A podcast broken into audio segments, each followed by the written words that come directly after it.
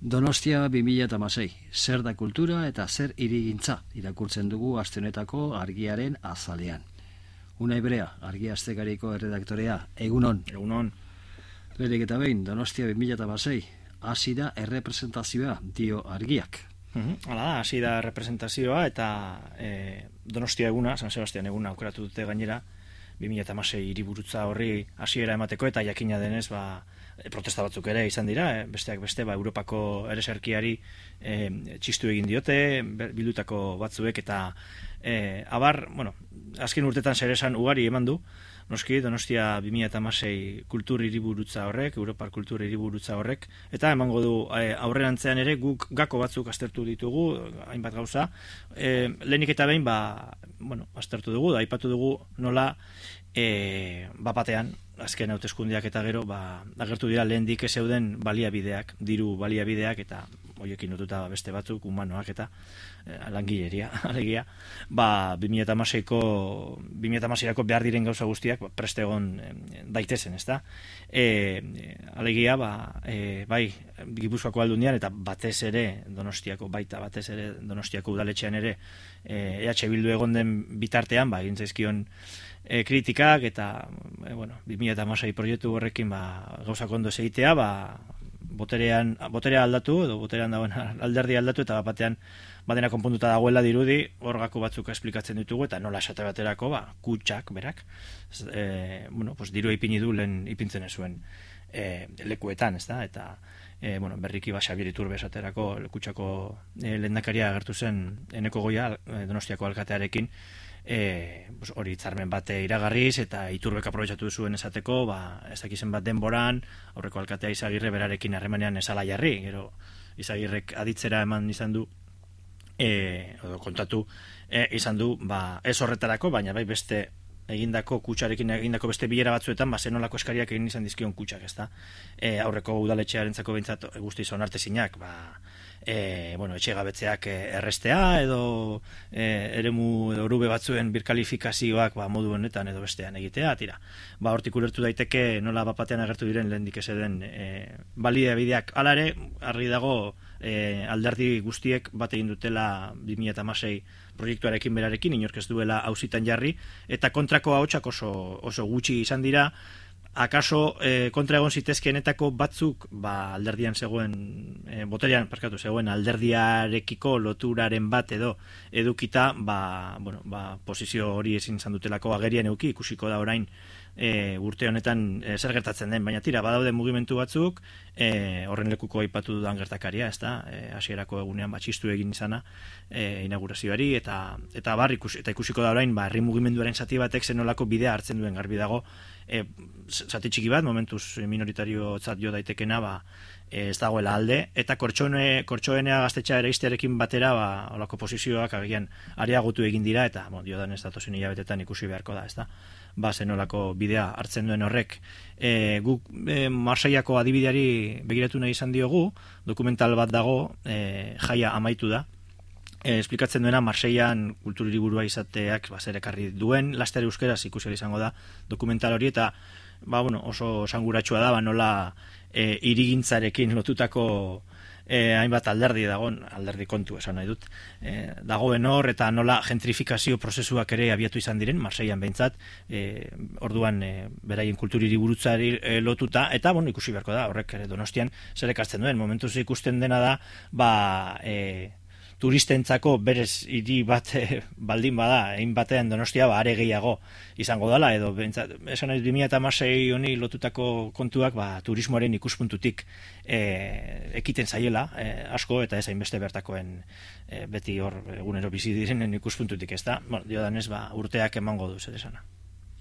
Jarraitzeko sakonean atalean Mikel Aiestaran. Honek bestiak beste esan du nabilen tokietan propagandak informazioa baino indar handiagoa duela. Bai, Mikel Aiestaran, e, kasetaria azkena markadan freelance da bilena, ekialde hurbileko errealitatea hurbiletik e, errepikapena barkatu e, jarraitzen, eta azken urtetan gainera ba, Jerusalemen bizidana, eta eta berriki familia, familia batera, familia eraman du. Jerusalemera eta hori, ba, ekialde hurbileko gatazkak, mat baino gehiago baitira, oso realitate komplexua da, denok dakigunez ekialde hurbilekoa, naiz eta oso gutxik ondo ulertu hor zer gertatzen den eta bueno, ba, argitasun pixka baten manaian horrari da lan berezi horretan Mikel Aiestaran kasetaria berriki saritua e, izan dena. Eta bueno, ba, ba kasetaritza molde horretaz oso hausnarketa interesgarriak egin, diz, egin dizkigu, egin, egin ditu sustraiko lina elkarrezketatzailearen e, aurrean. Eta tira, bueno, batetik esaten du freelance izateko erabakia hartu duela, ba, uste duelako gaur egun e, publikoak gehiago jarraitzen dituela kasetari jakinak eta ez medio jakinak e, sinadura konkretuak eta eta esain beste medioaren babesa hala ere medioek erabakitzen dute ba e, ze gatazka dagoen lehen lerroan eta zeintzuk ez ezta eta e, bueno, zirko moduko bat e, ikusten du berak, ba, kasetari oldea emetikara mugitzen, ba, bueno, norbaitek esartzen duen agenda e, nagusi horri e, segika, ezta? Eta gatazka batzuk ez dira inoiz lehen erroan egoten eta beste batzuk ba momentu jakinetan bakarrik. Normalean bortizkeri bortizkeria une gorenekin lotutako aldietan, ezta? E, horri lotuta esate baterako Jerusalemen bizi den. Aiestaranek e, dio e, hilean behin gazara joteko ohitura daukala e, bueno, ez dakit nola san, e, hango gatazkaren adierazpide bortitzenak pilpilan egon edo ez, ba, e, gazatarrak nola dabiltzan ikusteko, azkenean ba, gatazka eta hor den arasuak beguneroko kontua direlako, haientzako ez da, eta, bueno, bintzat berak hori egoitura badu, baina, noski, zaila da, ere, mugitzea, freelance modura, e, medio handien babes gabe, ba, besteak beste, ba, lanbide garestia delako, horrela,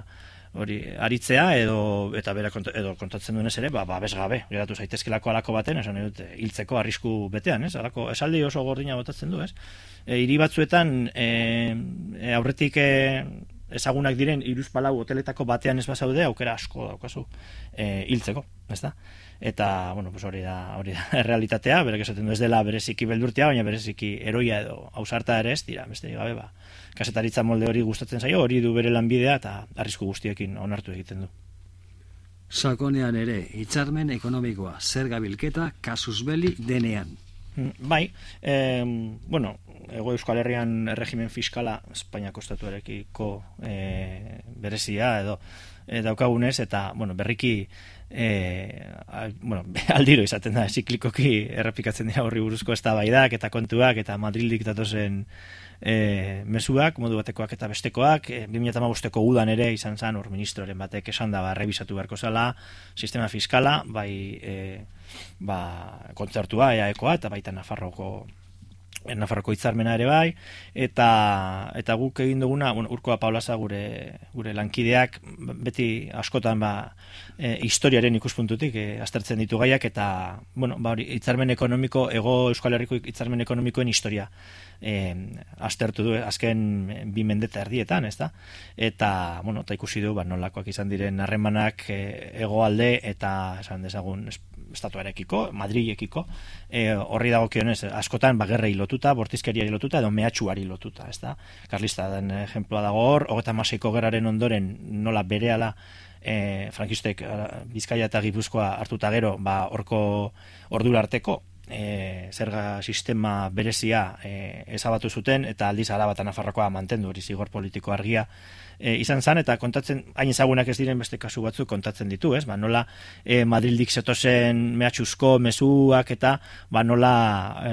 lehundu diren edo isilarazi diren ego euskal herritik bat donatibo modura, ez da? E, norbaitek dirua ipinita, ez da? Alegia, ba, bueno, estatuak beti erabili izan duela hau, batzutan armen bidez, beste batzutan sotilkiago, ba, bere, bere mesederako, ez? Guk behintzat gogorarazi dugu, e, baleren bakaikoak, orain dela aste batzuk, edo pare bat hilabete harrian idatzetako iritzi artikulu baten esaten zuena, leporatzen den arren insolidarioa dela e, kontzertu ekonomikoa eta barra, bueno, kupuaren bitartez zen nolako e, ekarpenak, estatuari zen nolako ekarpenak eite izkion, bintzateaek gorrarazi zuen baleren bakaikoak, eta bueno, hor zifrekin eta datuekin demostratzen da, ba, ez dagoela hor, e, aipatzen den solidaritate falta hori. Bukatzeko nahi, aldi bereko itzulpen estrategiak Euskarari eusteko. Bai, ba, ze ondo dakigun, ez da, e, hogeiko batzar batean erdaldun bi euskaraz ez dakiten bi, alegia, egotea eta gainerakoak euskaraz jakin bai, eta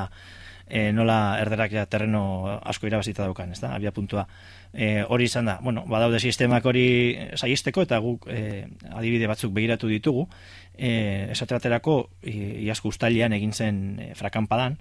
ba, hor e, euskera eta gaztelania bakarrik ez. E, hizkuntza asko ibili ziren e, tartean eta antolatzaileek nahi izan zuten, ba, e, mundu guztiak libreki bere hizkuntza erabilializatea, ez? Eta bereziki, ba, euskaldunak ez diskriminatzea e, gaztelania dunen e, aurrean. Eta, bueno, ba, ba, lortu zuten itzul, aldi bereko itzulpen sistema e, merkea, eta agian ez e, euneko eun super sofistikatua, baina funtzionatu zuena, eta, bueno, ni lekuko gainera e, erabili izan nuelako, ez da? E, bai itzule eta bai, bai islari modura, eta, bueno, hor FM-ko transmisore batzuk, e, behar ziren, oso modu errexean erabiltzen zirenak, mm, norbaitek mugikorra hortarako prestatu euki eskero, ba, mugikorrarekin ere egin ziteken, eta gero voluntarioen lana, mm, itzulpena ingo zuten voluntarioen lana, batzuk itzulpen gintza do interpretazio ikasleak ziren, eta, e, bueno, eskartzen da hori noski, eta beste batzuk, bueno, besterik gabe, ba, voluntarioak, e, bost hizkuntzatan funtzionatu zuen frakanpadak, neko sistema, bueno, komplexua zen, baina borondatez eta pazientziaz, islarien pazientziaz batez ere, ba, ondo egin zuen e, e, aurrera, ez da, eta bueno, hor deskribatu dugu, ba, nola egin zen, eta nola, e, bueno, agian batzutan komunikazioak ikusituen galduko zuen zerbait, baina jende, jendearen eta batez ere islarien eta erosotasuna ba, ba ondia izan zen, ez? Gainera, azkenean ere astiroago hitz egitera behartze horrek, ba, hobetu zuen, nola esateko, ez da bai eta itzaldien e, kalitatea, ez da? Eta, eta bueno, pixka bat, ba, ba kontuak e, horrela moldatu zuen, voluntarioen lana e, sekulakoa izan zen, eta, eta momentuan bertan ere gauza asko ikasi zuten, beraiek, ikasi eta eta irakatsi, eta bueno, hor dago molde bat, ez da? Horrez gain hitz egin dugu ere, ba, e, bergarako udaletxeak daukan beste sistema batekin. Bueno, erabiltzen hasi izan hasi izan alokatu eta horrela azkenean erostea erabaki zuten eta bueno, hori agian ba jakinago da, ez? Udaletxe baten nola egin da nola egin daiteken aldi bereko e, itzulpenak eta bar, baina bueno, nik aipatuko nuke beintzat frakanpadako adibidea, ba Tira, herri mugimentutik gauzak gogo sartzen direnean e, erakusten delako ere e, bueno, ba, oso zaiak diruditen gauzak egin daitezkela, ezta? Ba, nor pentsatuko zuen e, Arabako lautadaren erdian egindako olako herri ekimen batean, ba, ba olako gauza bat egin zitekenik, ezta? Bost hizkuntzatan funtzionatu, funtzionatu aldi bereko e, itzulpenekin eta profesionalik ia gabe. Bueno, ba, ba horrek bidea markatzen du. Una hebrea, argi astegariko redaktorea. Mila esker, zure kolaborazioagatik eta datorren aste arte. Ez horregatik. Agur. Agur, bai.